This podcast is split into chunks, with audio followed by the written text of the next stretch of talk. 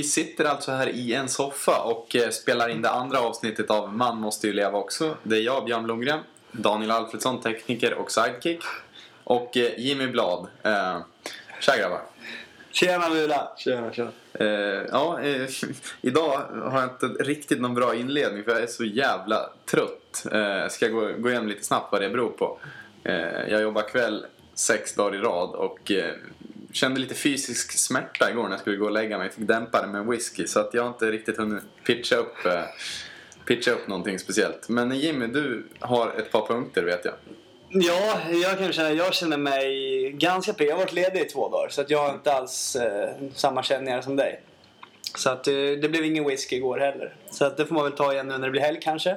Absolut. Och eh, ska jag säga också om det hörs bättre så beror det på att vi sitter på en, på en enhet idag. Förra veckan så körde vi via Skype alla tre. Och som, som eh, vi fick feedback från några av våra lyssnare var det lät som att Björn och Jimmy satt på en engelsk strand någonstans. Jag tror det var engelsk strand.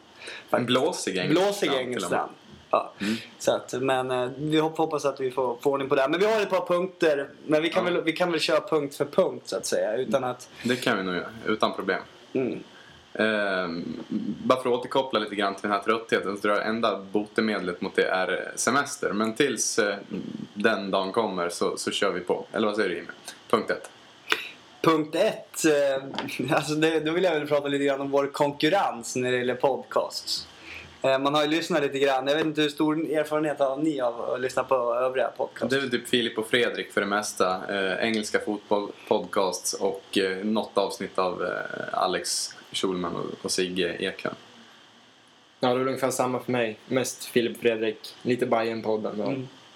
Schulman och Sigges. Alltså jag måste säga Björn, du sa att Schul- Schulman och, och Sigge Eklunds var bra. Jag tyckte den var... Jag, jag lyssnade fan ett halvt avsnitt tyckte jag, var, jag tyckte det var jättedåligt. Ja, Okej, då kanske det tajmade antingen ett dåligt avsnitt eller eh, hade för höga ambitioner. Eller så kanske jag tajmade ett bra avsnitt för jag har inte lyssnat så, så mycket. Men jag tyckte ändå det var, det var skönt eh, tugg. Kommer inte ihåg om vad just Nej. nu men, men det var rätt skönt i alla fall. Men vi, vi, har ju, vi har ju konkurrens i form av de två givetvis. De två herrarna. Sen har vi ju även eh, en som, som eh, jag tyckte var jävligt bra. Det är en kille som heter Kristoffer Triumf. Det är någon form av mediapersonlighet. Jag vet inte riktigt vad han gör men han har en... en, en eh, man ska söka på iTunes på, som heter Värvet. Och där sitter han och intervjuar mediapersonligheter typ i en och en halv timme. Jag lyssnar på när han intervjuar Filip Hammar. Sen lyssnar jag på när han intervjuar Fredrik Wikingsson. Det var bara de två jag hann med. Men sen ska han, det sägs, skrivs, det vill säga Flashback-tråden om värvet. Så står det att det finns ett avsnitt, men ni vet han den där småfeta komikern Kristoffer Appelqvist, någon som känner till honom? Ja, just det. Ja, han var bra. involverad i något i nå, i nå TV4-program som heter 100% för typ fem år sedan tror jag. Men det, intervju med han ska vara jävligt bra i alla fall. Så därifrån har vi lite konkurrens på, på, på den svenska marknaden. Så det, det blir det är ett tufft eh, uppdrag vi har framför oss här nu. Ja, verkligen. Men vi, vi försöker väl inte nå ut till samma publik nu på en gång kanske. Inte på en gång. Men det är bra att veta vad man har och, vilka man rör sig Ja. emot så att säga. Och sen, men, Vart gränsen går. the sky is the limit eller något ja, exakt. exakt. det, det finns eh, utrymme att växa på så att säga. Ja, men sen, eh, sen har man, ja, du sa engelska fotbollspodcast. Jag har lyssnat på några, några NBA-podcasts, varav den bästa är någon form Den kan ni gå in och lyssna på också, rekommenderar, om man vill veta, veta mer om ligan. The Hangtime Blogs eh, podcast. Jävligt initierad, bra surr också, mycket garv. Eh, som det ofta blir när svarta är inblandade tänkte jag säga. Men, men eh, det är riktigt bra surr faktiskt. Så det var väl... Eh, ja, jag ville väl få upp någonstans att eh, vad vi håller på med och... och Men, men varifrån får du bilden att det ofta blir garv när svarta är inblandade? nej, men, nej men alltså det känns som de har en mer... Eh, en mer avslappnad vet du, inställning till det man håller på med. Bara, liksom. Okej. Och den bilden bygger du Nej på? men den, till exempel var det en intervju med Usain Bolt här, om det var på SVT, jag såg en liten del av det. Så han verkar ta livet med en, en sjukt stor eh, klackspark. Liksom, det var inte så här, visst han tränar väl hyfsat hårt och sådär men de frågade annat, ja nu när du ska iväg till OS, vad, vad, eh, vad packar du ner? Han, de bara, tar du med några böcker? Han bara, no I'm a Playstation guy, bara som garvan. Och hans favoritmat, liksom, överlägsen favoritmat, det är ju chicken McNuggets. Så det är så här, eh, jag säger inte att det var en runda där men, men eh, Ja, ja, Så det, på grund av Usain Bol- Bolts inställning så Nej, är men- det en skönare NBA-podcast. nej, men du förstår vart Ja. jag. Jag kan ju dra, jag kan dra sitta 40 exempel. Men Ja, men har det, det, det är ändå någon form av generalisering. Ja, ja, det är det absolut. Men generalisering är ju kul. Absolut. Mm. Eh, ja, vad finns det i övrigt för konkurrens? Alltså, eller konkurrens är egentligen fel ord. Jag har väl ingen ambition att gå in och konkurrera med någon. Eh, äh, skit i den här ambitionen för den här podcasten. Vi, vi kör bara. Eh, nästa ämne.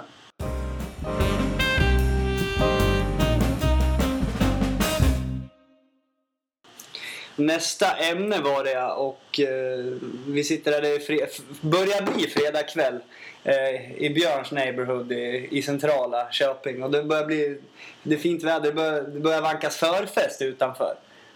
Hörde den här klassiska hangover-låten bland annat. Ja, bra ös. Ja. Eh, för att vara klockan eh, fem en eftermiddag. Ja, ja, exakt. Vi sitter där i shorts och njuter av vädret. Fan vad mycket softare på sommaren när det är fint väder. Men i alla fall, andra, andra ämnet som jag ville snacka om. Jag har tagit på mig någon form, eftersom du har varit så trött här nu. Precis. Så, så, eh, så får, har jag tagit på mig att samla ämnen. Och då vill jag ha en uppföljning på quizen som, Mm. som vi snackade om förra, förra veckan. Eh, ja, just det. Om du går igenom lite, lite kort eh, vad vi snackade om och upplägget och, Det var väl hur det gick sen. Ja, det var ju en bjudning hemma hos eh, Danne Alfredsson. Danne, berätta lite om den bjudningen. Ja, vad ska jag säga? Det var en lite halvspontan räkfrossa som eh, vår, vår kamrat Robin Eriksson egentligen tog ställning till ett tag i. Men eh, det slutade med att den var hemma hos mig och det var mycket trevligt. Ja. Björn styrde upp lite lekar och det gillar man ju alltid. Precis. Eh, Hur gick tanken med din quiz där, Björn? nej, men om vi ska berätta lite grann vad, vad quizen eh, gick ut på. Ja, exakt. Det är det jag vill ha. Lite grann. eh, så vet du, var väl tanken egentligen att göra en klurig men, men bra frågesport för, för de inblandade. Eh, där några var lite extra fotbollsintresserade så några ämnen eh, la sig lite mer ditåt. Och, eh, men ta- tanken var väl att få till en, en rolig och klurig quiz som, som det blir lite tävlingsmoment i. Och eh, det tycker jag väl gick hem. Ja, ja det, det gjorde du. Anledningen till att jag vill, vill ha en uppföljning på den här quizen var ju för att vårt lag vann och dessutom ganska, ganska komfortabelt. Mm. Det var ju sju starka där. Jag kom ju dit. Jag, det såg jättegott ut med räkor och paj och sådär. Det jag gjorde, men jag, jag, jag deltog inte i det. Jag körde hem också så vart, eh, det vart inget drickande för min del. Björn, du stod och, drank, och blandade egna drinkar framåt slutet hörde jag. Eh, ja, precis. Det, det blev ett par Kan egna. du bjuda våra lyssnare på, på ett drinktips? Nej, men vi, vi kan väl ta ett, ett par olika. Ja. Eh, eftersom vi, hade begränsat, ett begränsat antal ingredienser så, så eh, var det läge för att improvisera och inte köpa de här klassiska drinkarna. Utan, Vilka är utan, de klassiska drinkarna? Ja, gin och tonic och rom och cola eller? Ja, och White Russian och allt vad de heter som man står där och skriker efter klockan kvart i två. Eh, men eh, för att spexa till det så, så hällde vi ner lite allt möjligt och, och gav dem egna namn. Eh, så tre drinktips här då. Första är min egen. Blomgrens Icebreaker fick den heta. Efter lite om och men. Den hette Blomgrens Blue Hawaii först men, men Icebreaker. Blomgrens blev kvar. Eh, precis. ja men det var, vi var tvungna att döpa den efter någon. Ja. Eh, och eh, det var den första jag gjorde. Då, då kör man en eh, sex, eh, vad är det man har i? Är det milliliter eller centiliter? Centiliter. Centiliter. Ja, blir... Ja, Lite trist kanske. sex. Är det hallonsaft. Ja, precis. Ja, men jag, jag har dålig koll på det där. Ostmedicin. Jag brukar köra med engelska mått i övrigt. Nej, men, du har i en halv gallon. Nej, eh, Sex centiliter Absolut vaniljvodka. Eh, Ingen produktplacering här. Du kan säga Okej. vaniljvodka bara. Nej jag skojar, kör på. Skitsamma. Ja, man älskar ju produktplacering. Eh, och sen eh, en lagom skvätt. Lite mer än, än 6 centiliter, men inte så mycket mer. Eh, Danne, påminn mig. Fortsätt. Påminn att vi ska prata lite produktplacering sen. Jajamän. Bra. och nu, nu har jag inte koll på exakt, men det ska vara Blue Curacao egentligen. Eh, nu körde vi nå- någon eh, form av eh, eh, billigare variant på det som fanns. Eh, men eh, något blått kan vi, kan vi sammanfatta det med. Och sen eh, Mr Muscle. en isbit och, eh, och eh, fylla upp glasen med Sprite på det. Den var fan eh, riktigt bra. Men, eh, Var det inte den som du döpte om till, efter mig på lördag? Nej, nej, nej. Det var, det var bättre Den kommer vi till sen eller? Just det. Ja, vi, vi kan ta Jimmys eh, där också. Eh, samma vodka, lika mycket. Sen istället för Blue Curacao så kör man någon form av eh, grön äppellikör. Eh, en skvätt kan vi säga.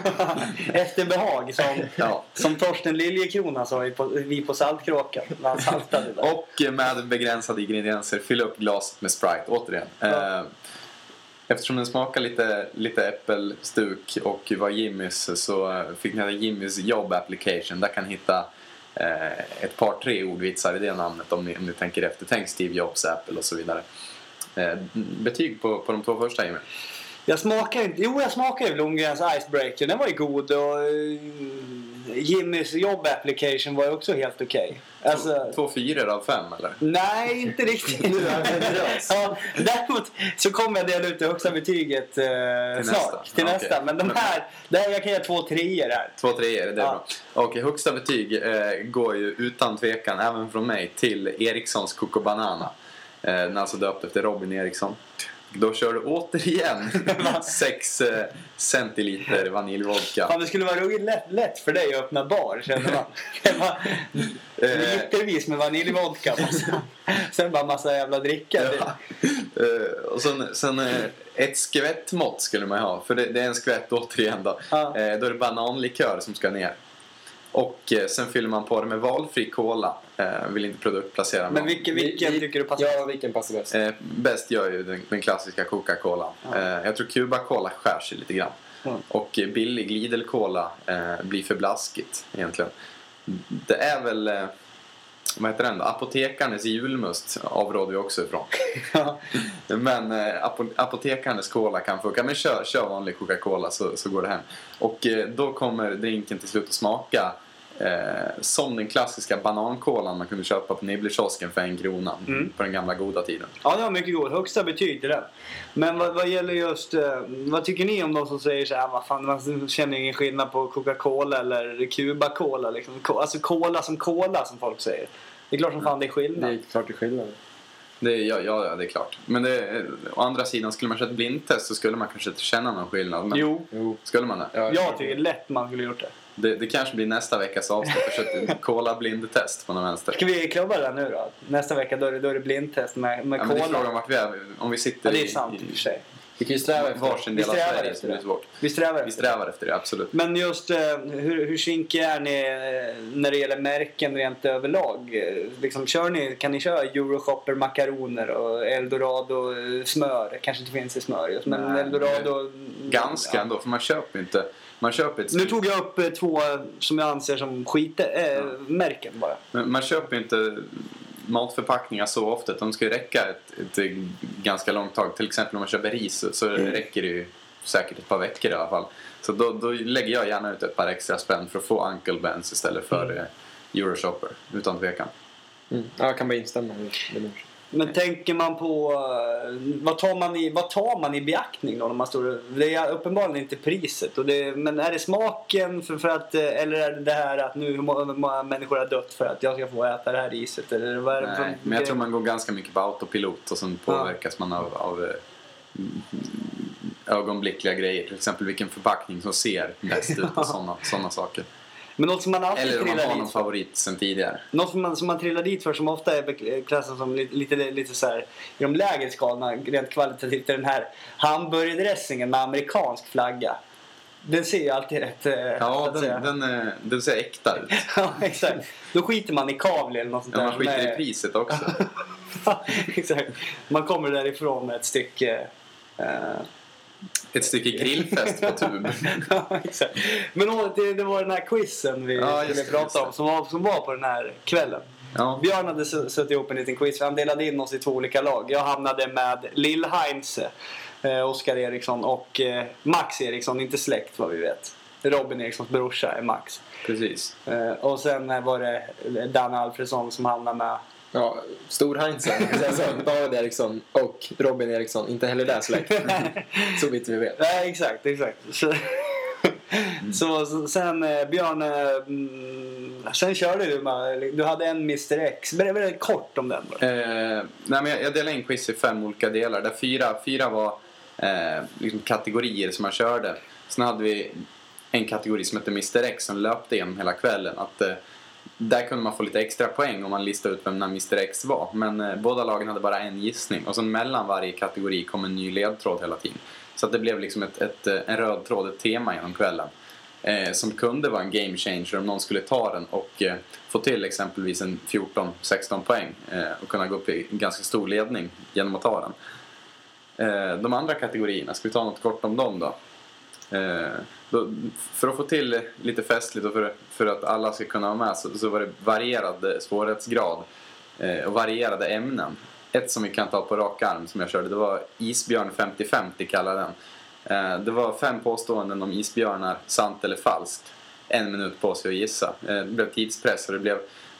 Man kanske inte hade så stor aning om alla de här grejerna innan men, men eh, alla hade ungefär lika stor chans att kunna ta det. Det behövdes inga speciella förkunskaper om inte någon nu var en isbjörnsforskare. Ja. Eh, vilket jag hade koll på att ingen var. Mm. Mm. Eh, de andra ämnena då? Det var en, en kategori eh, Fotboll.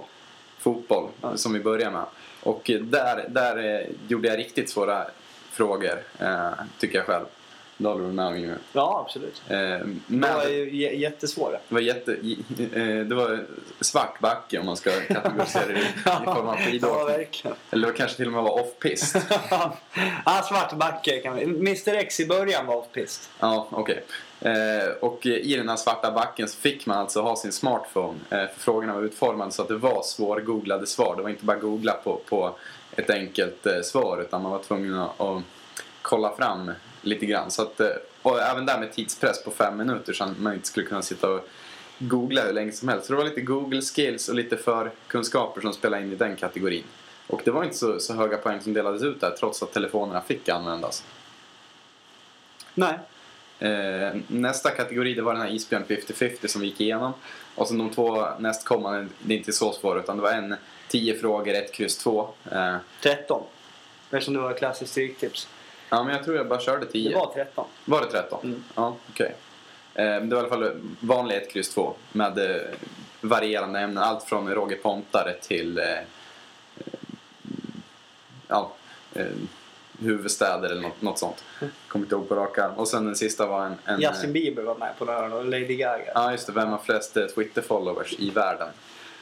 Eh, och sista kategorin, det var, det var lite På spåret-style. Tre städer eh, med poängsystem med 10, 8, 6, 4, 2. Man skulle ropa ut eh, vilken stad man var på väg till. Och eh, ja, där hade vi en, en eh, frågesport helt enkelt. Vad anledningen till att jag tog upp det var som, som jag sa vårt lag med, med Oskar, och- Oskar Heinze och Max drog det längsta strået till slut. Danne kommentar på, på, på torsken. Som var till slut rätt överlägsen. Det var överlägset och jag gratulerar er såklart. Ni var mycket bättre. Men det jag väljer att ta med mig från den här kvällen det är ju på Mr X. Jag tror det är på 14 poäng. Just det. Oskar Eriksson ställer sig upp och skriker Henri Camara och det är givetvis helt fel. Eh, man har tidigare fått reda på om Mr X att eh, han eh, är europe bland annat. Och att han inte var en svensk dödare Ja, det. två mål. Just det, han var inte en svensk död. Och precis. att efternamnet börjar på samma land som han kom ifrån. Ja, precis. Varpå Oskar då skriker Henri Camara och ångrar sig ungefär en halv sekund. Direkt efter ångrar sig. Man tycker hade- lite synd om Ja. killen, det gör man. Hade Men- inte du fixat så stort övertag Jimmy, då hade det kunnat bli en game changer när eh, Danne och company sen tog Mr X på 10 poängen, vilket var den lättaste nivån. Nej men alltså det var ju framförallt Max och, och Oskar som eh, på isbjörnsfrågan gav oss en, en, eh, En- en full poäng, riktigt stor momentum där. Så att, eh, Inte minst psykologiskt kanske. men däremot så var det var ju lite irriterande där just eftersom jag kunde Mr X. Mm. Ja, just det. det. Du var inne på honom redan på 16 poäng. Ja, på exakt. tredje nivån där. Ja, men, eh, så, men därför, så hade, vi, hade vi inte vunnit den då hade man blivit lite tjurig. Mm. Men det, det gick ju bra till slut ändå.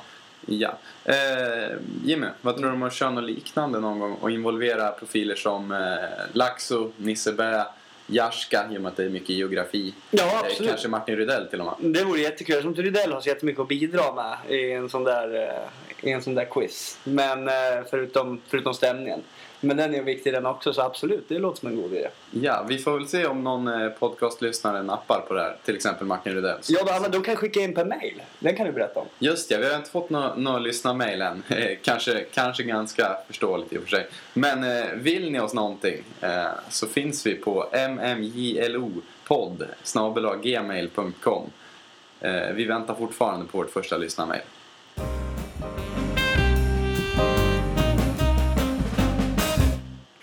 Den tredje punkten som jag skriver här på mitt eh, anteckningsblock, eh, mitt virtuella anteckningsblock på, på telefonen är vad ska Wegerup göra nu? Och det är just för att jag har, eh, när det gäller just journalistik och i, i allmänhet och svensk journalistik, journalistik i synnerhet så har jag några man sitter och stör sig på. Det har ni med garanterat. Ja, absolut, utan tvekan. Och en av dem som jag stör mig mest på är... eh, Josef det, Bengtsson. Nej. Nej, det får stå för dig. Nej, jag bara skojar. Ja, du, nej, det gör du inte alls. Nej, det är ytterst tveksamt att du skojar där. Ja. Fortsätt Jimmy. Ja, men i alla fall så... eh, Och det är inte något personligt, bara lite. Eh, det är inte mycket personligt, men det är främst för att jag tycker att den här journalisten, hen, eh, gör ett jävligt dåligt jobb. Fast nu outar jag hon. Jennifer Wegerup som har eh, skuggat Zlatan och fått det som, låta som om det är världens viktigaste sak hon sysslar med, i, säkert sedan han kom till Italien. I alla fall minst fem år har hon ju skuggat honom och enligt hon utvecklat en bra professionell relation. Det skiter man ju fullständigt i för att jag, jag stör mig på att hennes blogg som jag försöker aktivt att inte besöka. Men ibland så är hon bra, då ska jag ge henne att hon har bra rubriker. Som att, bland en, en, ett exempel där förra veckan så stod det Breaking News som, eh, som liksom så här rubriknamn högst upp på Aftonbladet på hennes blogg. Då är man ju fan tvungen att gå in och kolla. Det håller ni med om. Ja, ja. Fast man hatar det. Så går man in och ser det första raden, eller inte. Och då är det nog jävla skit om att hon, jag vet inte fan vad det var, men det var hennes funderingar på om hon ska flytta med Zlatan till Paris eller något sånt där. Men så, så min, min, eh, min fundering här på, det är ungefär, vad, vad händer nu med Jennifer Wegerup? Kan vi hoppas att hon försvinner ur, ur eh, svensk media nu när Zlatan har lämnat Italien och gått till Frankrike? Ja, men det är ju verkligen frågan vad hon ska göra nu. För hon har haft ett enda uppdrag. Då skriver om Zlatan eh, i Ty- Italien. Ja, hon, gör inte, hon gör det inte så bra, måste man säga. Nej, och hon verkar inte ha någon, någon eh, vidare koll på någon form av annan fotboll. Italiensk fotboll tror jag inte hon skulle kunna stanna kvar och skriva om ens. eh, Med tanke på att hon bara följt en spelare. Men hon poängterar ju ofta i sin blogg, vilket man tar sig in på ibland när man blir lurad som, som nyligen då. Så poängterar hon att hon har bra känningar med typ La Gazzetta. Hon, Ja, hon är ju Skandinavien-korrespondent där. Ja, Eh, Så det har hon säkert. ja det, det, det måste hon ju... Det måste ju alltså ha, eh, vara en stor favör för Jennifer Wegerup att hon har en fot där. Liksom. Ja, verkligen. Eh, Det är frågan hur fan har hon fått in det? ja, det är fullt befogad fråga. Men, så, men man, man kan ju hoppas att man slipper se fanskapet nu framöver i, i bladet. Ja, men, men hon är ändå rätt profilerad. Hon är hårt profilerad, precis som kanske en, en eh, max fyra, fem andra Sportbladjournalister. Det, det, är Simon Bank, Niva, Robert Laul och Wennman. Och Wennman, precis. Och nu har de väl även börjat profilera Johanna Frändén rätt hårt. Eh, Marcus Leifby får väl också en hel del. Leifby, ja men inte, Han ligger lite och simmar utanför. mycket. Ja, men den jag, den jag tänkte, tänkte på som har blivit hårt profilerad på sista tiden, det är ju Patrik Sjögren. Mm. Eh, som har lanserat någon form av silly season-general. Ja, tillsammans med Kalle Karlsson. Så- Där. Ja, men, men ändå att Sjögren är hårdare lanserad. Mm. För eh, Han ska stå med i varenda webbsändning nu på Aftonbladet och säga vad som kommer hända på marknaden ungefär. Eh, Och det här stör jag mig som fan på. Vem fan är det som, vem är det som ger han rätten att vara silly season-expert? ja, det är frågan. Vad, vad är en silly season-expert? är det en snubbe som läser mycket tidningar? Jag tror det är det. Ja, men, men vad, vad tillför man då? Att man har koll på ryktena? Det är väl ryktena i sig som, som man kan publicera om någonting. Men att profilera en expert som har koll på rykten eh, känns så jävla suspekt så att eh, jag, jag, jag fattar inte faktiskt. Men eh, det, det, man kan ge grabben är att han gör det jävligt bra. Eh, med att skriva om övergångar och så vidare. Jag tycker Ja. han, han är en jävligt bra krönika när Zlatan blev klar för PSG precis. Men eh, ja, det- ja, hur fan blir man det? Eh, frågetecknet hänger i luften. ja, nej, vi vet. Om det är någon som vet så kan ni väl mejla in det till Ja. oss. men, men det jag tänkte säga att Wegerup, hon eh, är ju hårt profilerad av Aftonbladet och eh, eh, hon, hon har väl kommit till en en eh, sån status att hon måste i princip vara krönikör med stor byline. Jag har svårt att se henne ta ett kliv tillbaka och eh, Och gå ut och göra såna här, alltså om man är kvar i börja jaga Italien. nyheter eller vad... vad och, Cykel-Giro d'Italia, så här, da- dagsrapporter. ja, eh, och de har ju redan Kristin Kapelin på plats i Rom. Hon har ju varit... Kristina Kapelin, Mm. förlåt. Eh, hon har ju varit liksom en Zlatan-korrespondent mer än en Italien-korrespondent. Korrespondent. Ja, jag försöker få in ämnet där också. Ja. När, jag, när jag skriver så skriver jag ut ämnet. Ja, bra. Det, det är lite mer talspråk kanske. Eh, så att, eh, ja, det, återigen hänger frågetecknet i luften. Men eh, det jag kommer att tänka på när, jag snackar om att skribenterna profilerats hårt av Aftonbladet. Det börjar de nästan göra ännu hårdare av Expressen. Var det någon som var inne till exempel när den här Zlatan-övergången blev, eh, blev i princip klar? I, I en nedryckare så stod det då att eh, Mino Raiola säger till Expressen, alltså, i versaler, Karl Djurborg. Ja, men det får, får väl in, in lite, lite annan Köpingskoppling här i, Jo, i vår, vår podcast. det är ju trevligt och det, det, det är kul att, att eh, grabben har tagit sig härifrån och till en profilerad skribent och, och nu att han omtalas som i, i Man måste ju leva också. Ja, absolut. Eh, Men eh, själva fenomenet jag tänker på här, det är ju att nyheten blir lite grann att han säger det till våran reporter. Ja.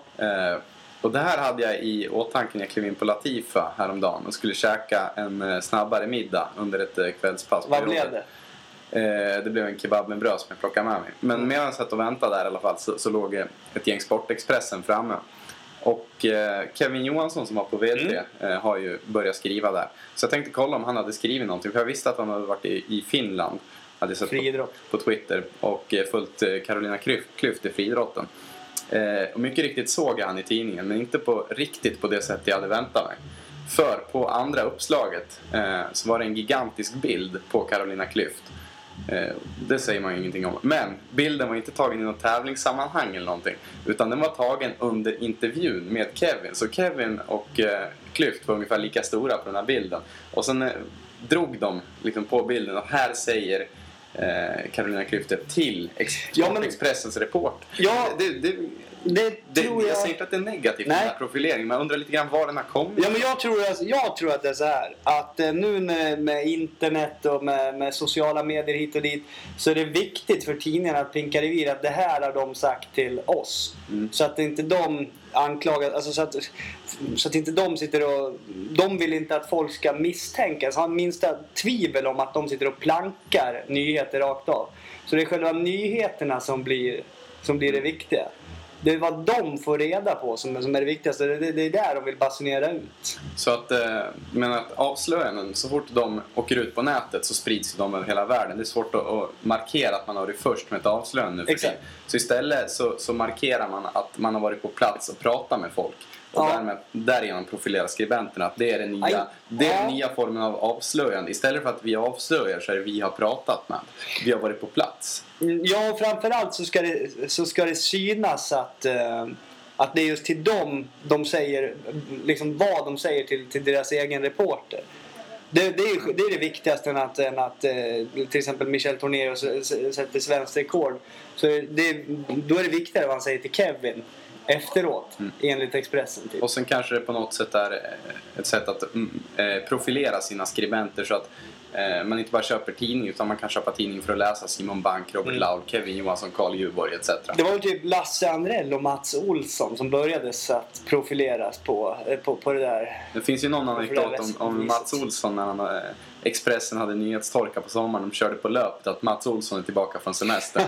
eh, Ja men då, det är säkert ett antal 10 000 som köper tidningen på grund av bara det. mm. För det, det är också, de har ju på nätet, Expressen också nu igen här. Okej. Att eh, det står ju, då, längst ner på sportsidan så finns det en samling av Mats Olssons krönikörer. Och så Krönikor. står- ja, ja, förlåt mig, krönikor. Där fick du slå mig på fingrarna verbalt.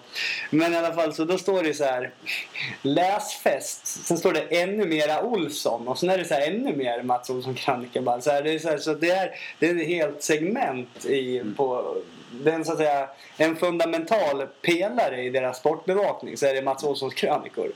Och han ska ju tydligen vara jävligt bra men jag läser inte, jag ska säga, jag läser inte Mats Olsson så överdrivet mycket för det jag läst tycker jag inte är kung. Men eh, Liksom, så det var väl han och så var det väl Andrell som var motsvarigheten på, Precis. på, äh, på Aftonbladet. Som också profilerar med en egen sunda sida precis som Expressen har Olsson. Så att, eh, och nu det finns kanske inte de här, det, det har blivit så pass många. Så därför så måste profileringen göras betydligt mycket tydligare och betydligt mycket osnyggare tycker man ju.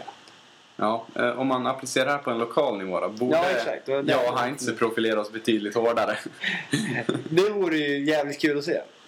Ja, men det, det är frågan hur jävla, hur pass eh, ostigt det skulle kännas egentligen. Sluta med att Heinz sitter, sitter i för, eller så här, som kartläsare på Gillberg under någon rallytävling.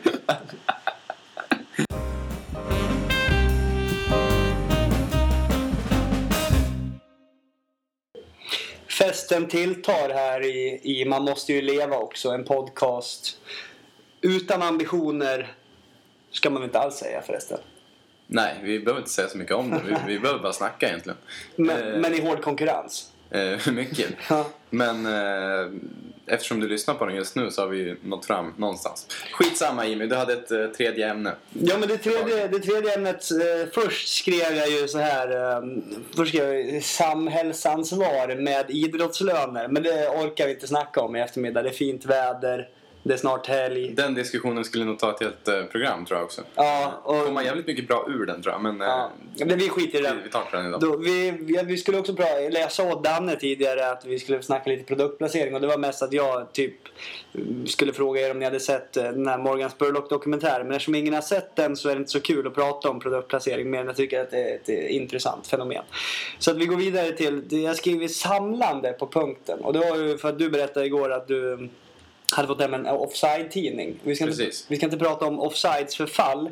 För det, ska vi också, det, det har du sagt att det, det är. Eh, det, det, den är på nedgång. Den är på Absolut. nedgång. Det, det, är ett förfall. Ja, jag fick, jag fick eh, hem en blankett här att eh, nu är det dags att betala om du... Nu går prenumerationen ut helt enkelt. Jag, för första gången på mycket länge så funderar jag på om jag verkligen ska förlänga. Mm. Eh, det lutar faktiskt åt ett nej. kan Kanske det. 60-40 nu. Ja, Mm. det beror på vad, vad numret erbjuder.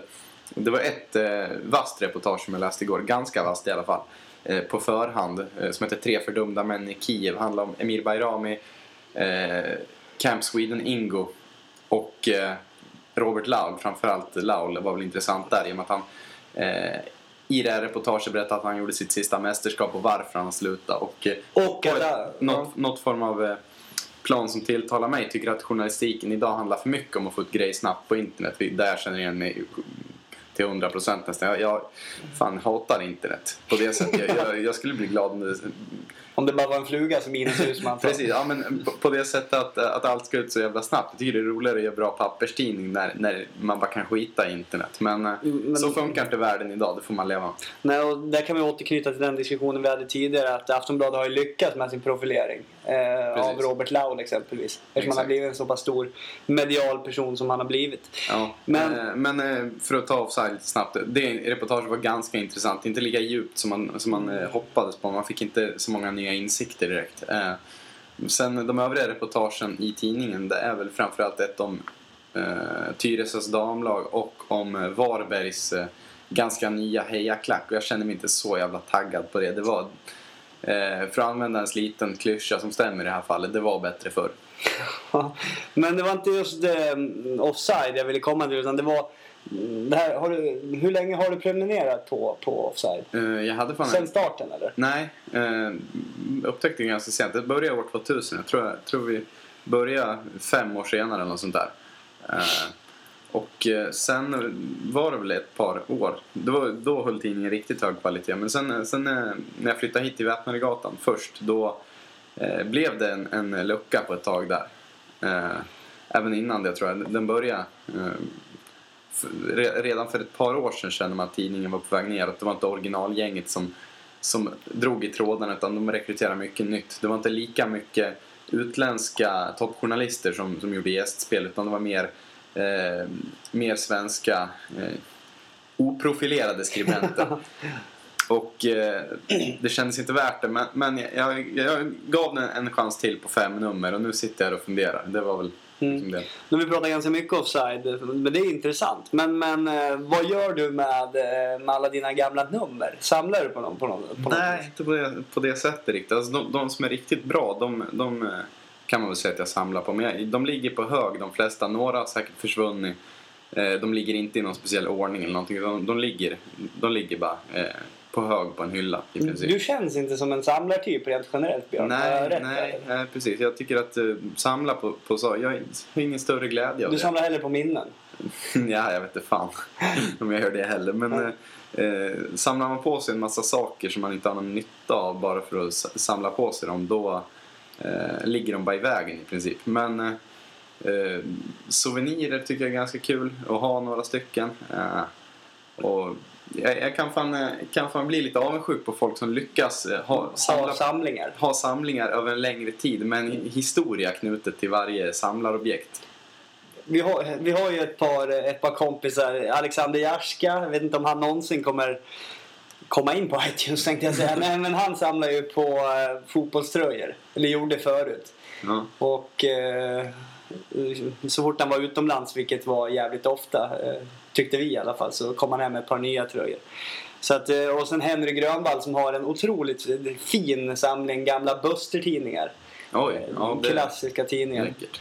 Det försökte jag på också, men eh, jag har ju fuckat upp min Buster-samling totalt. Eh, I och med att jag alltid klippte ur. Det var ju så här omslags... Alltså framsidan baksidan. Det var ju en profilbild, en idolbild. På Javier Saviola i Barcelona eller vad fan det kunde vara. Så att jag, Hammarbys SM-guld 2001 eller något sånt där. Så jag, jag rev ju ut varenda jävla eh, framsida och baksida och satte upp på väggen hemma. Så att eh, mina gamla Buster-tidningar är bara så att säga, vita papper. Det känns lite surt. Eh, Danne, samlar du på, på någonting? Eller, eh, du, du känns som en lite större samlartyp än Björn måste jag säga. Ja, kanske. Jag vet inte. Jag pre- prenumererar ju på Café. Ja. Gjort sedan 2008 för mig. Vad tycker du om den tidningen? Går det, går det uppåt eller neråt? Jag tycker den håller ganska bra klass faktiskt. ja, Gillar, ja, jag gillar blandningen som finns i den. ja, Men de ligger ju, för att produktplacera lite, i en IKEA-låda där hemma. I nummerordning. Sen jag började pre- prenumerera dem. Och i nummerordning också? Ja, men då, då, det gillar jag. Det gillar jag. Ja. Det är väl det. Kanske ännu mer produktplacering. Mac-grejer samlar jag på mig. Lite Apple-prylar. Ja, ja. Börjar bygga upp någonting kanske. Jag vet inte. ja, vad du kör där då? iPad, iPhone, eh, Macbook? Ja, iPod. Ja. Du är inte så, här så att du skulle kunna liksom åka på någon auktion och ropa in en Apple 2 från 1982 eller något sånt där? Nej, Nej. inte så pass. Än. Ja. Jag, själv- alltså jag, jag försöker samla men alltså man var ju med i alla de här svepen som gick när man var yngre. Först så var, först var det hockeybilder. De har jag kvar i en pärm någonstans. Jag är ruskigt nöjd över min helsida i hockeypärmen. Både För fram och bak. mina, jag hade säkert kunnat, kunnat vara sjukt nostalgisk och sam, samla på hockeybilder fortfarande. Kanske, för det, det samlade jag verkligen på. Eh, Men under ett bilinbrott i Göteborg tidigt 2000-tal så, så försvann en stor del av min samling med de viktigaste bilderna. Var ni, på, var ni på en familjesemester? Eh, stämmer bra. Varför stod det med album Ja, på familjesemester? Det, det är också en jävla bra fråga. Ja, det, är exakt, det är som att begära om trubbel. Det var, det var ungefär på den nivån samlandet låg på ett tag. Ja, det var maniskt alltså. Eh, nej, men jag, jag tyckte om mina hockeybilder. Vilken var din favoritbild? Hade du någon? Eh, oh, jag hade en snubbe i Pittsburgh, en back som jag har glömt namnet Paul på. Coffey kanske? Eh, nej, det var något på S.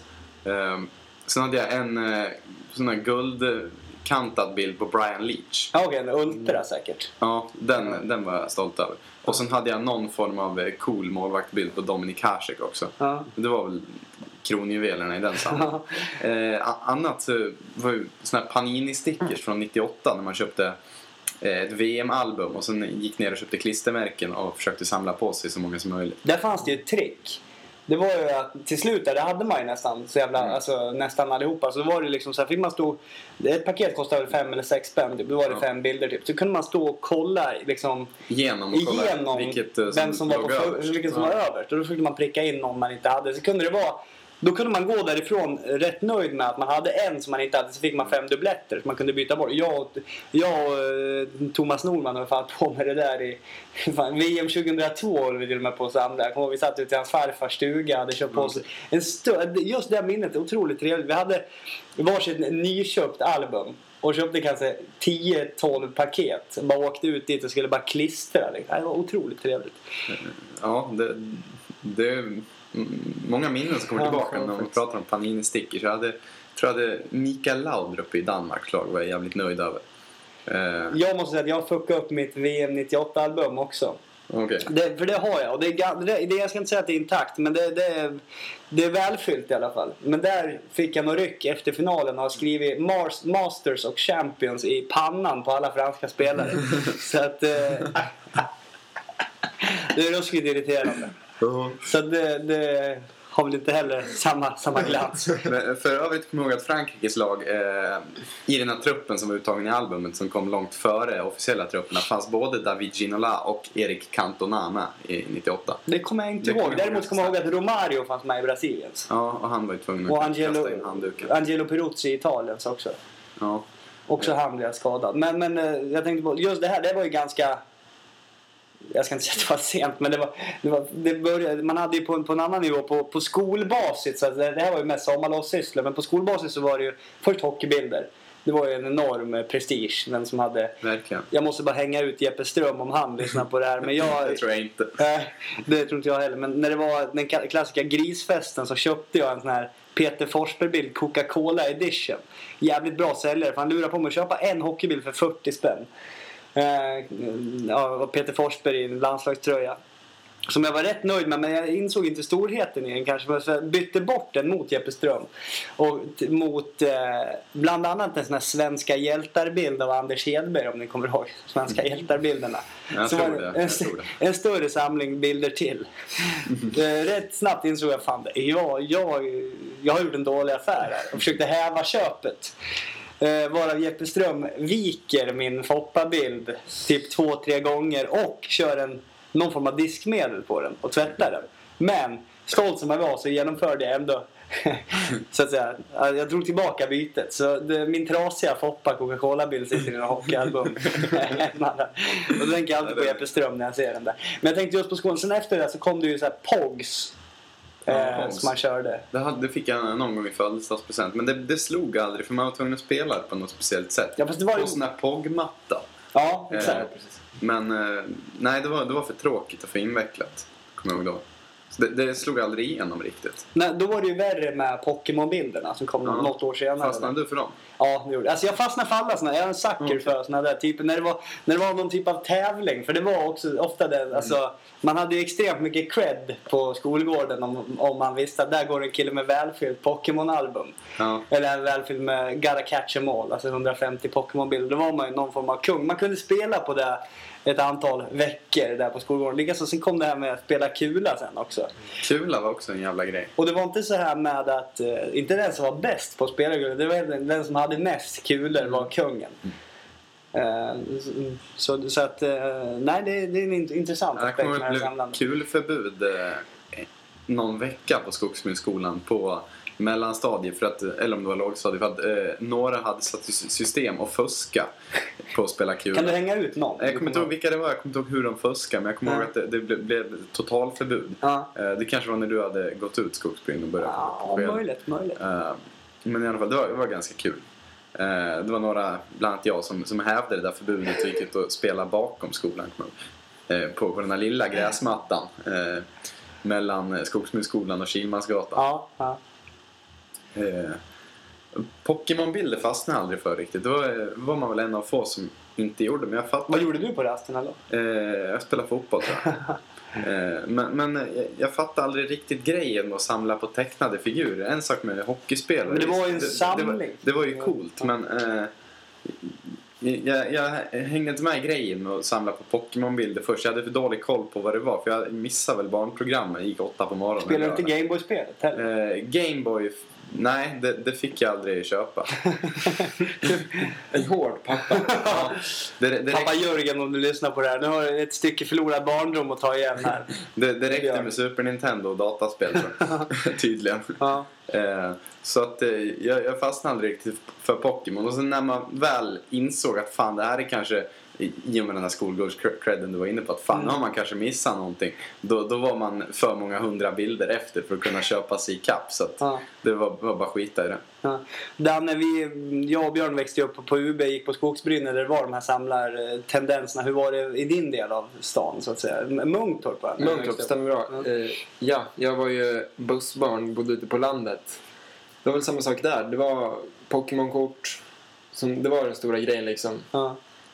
Samlar alla 150 eller? Nej, jag köpte en sån där Det kommer ju startpaket. alltid massa nya editions. Ja, precis. Det kommer Ja. nya Ja men det, det, det pratar vi inte om. Vi pratar bara om de första. Det vill säga Pokémon gul, Pokémon blå, Pokémon röd om vi snackar Gameboy-språk. Ja. ja. Jag hade Game Boy Color, ett gult, Va? med Pokémon röd. Ja. Kommer ihåg att spela. Jag hade gans, ganska lite kort egentligen. Jag köpte en sån här startpaket på vad kan det vara, 50 kort eller något. Mm, mm. Vi spelade lite. Jag förstod aldrig de där riktiga reglerna när man skulle gå till något Pokémon-gym och verkligen spela med korten. Vi körde mer som gamla hockeybildsspel man skulle kasta längst och typ sådana tävlingar. Ja, det körde inte vi. Jag är extremt dålig på det också så Ja. jag, jag höll mig undan. Ja, du, du kollade mest på... Du vårdade din samling. eller? Jag gick runt med min eh, stack och trodde att jag var ja, exakt. Men, Men, eh, det, det har inte kommit några riktiga såna här grejer sen dess? Eller Ja, men det har vi inte vi märkt. Vi hänger inte så ofta på, Nej, på Nej, nej, nej, men det är klart. Men alltså, Jag gör det. det är inget, man har hört talas om ens. Eh, är, det, är det mobilappar som är den nya grejen? Ja, men det är väl. Alltså, jag tror väl hockeybilder är väl tvärkört. För när man typ går förbi bågen där man kunde komma åt Mm. eh, hockeybilder vid en sån här automat. Man la i en femma och drog. Eh, jag tror inte de bild- bilderna finns kvar. Jag tror inte det finns hockeybilder kvar. Eller är det Facebook-vänner som småglinen samlar på nu? Kan vara. Kan vara WoW, eh, gear. Eller är det likes på profilbilden? ja, det finns mycket Ja. idiotiskt säkert som, som folk kan samla på. Men eh, kan vi inte spika här och nu att eh, Brasilien 2014, då, samlar, då köper vi varsitt jävla Panini-album och sen köper vi på oss och byter dubbletter. Men ni som lyssnar får gärna vara med på det. Jag, jag, jag, jag blev fan sugen på att köra nu. Absolut. Vi spikar det och vi försöker att eh, pricka in en blindtest av kolasorter eh, Ja. nästa vecka. Eh, och eh, om ni har missat recepten på, på våra eminenta drinkar så får ni antingen spola tillbaka eller dra ett mail till mmjlopodd.gmail.com. Vi, lyssnar fort, eller vi väntar fortfarande på det första lyssnarmailet. Ja, och nu måste man ju som sagt leva lite också. Ni får ha en trevlig helg ni som har lyssnat.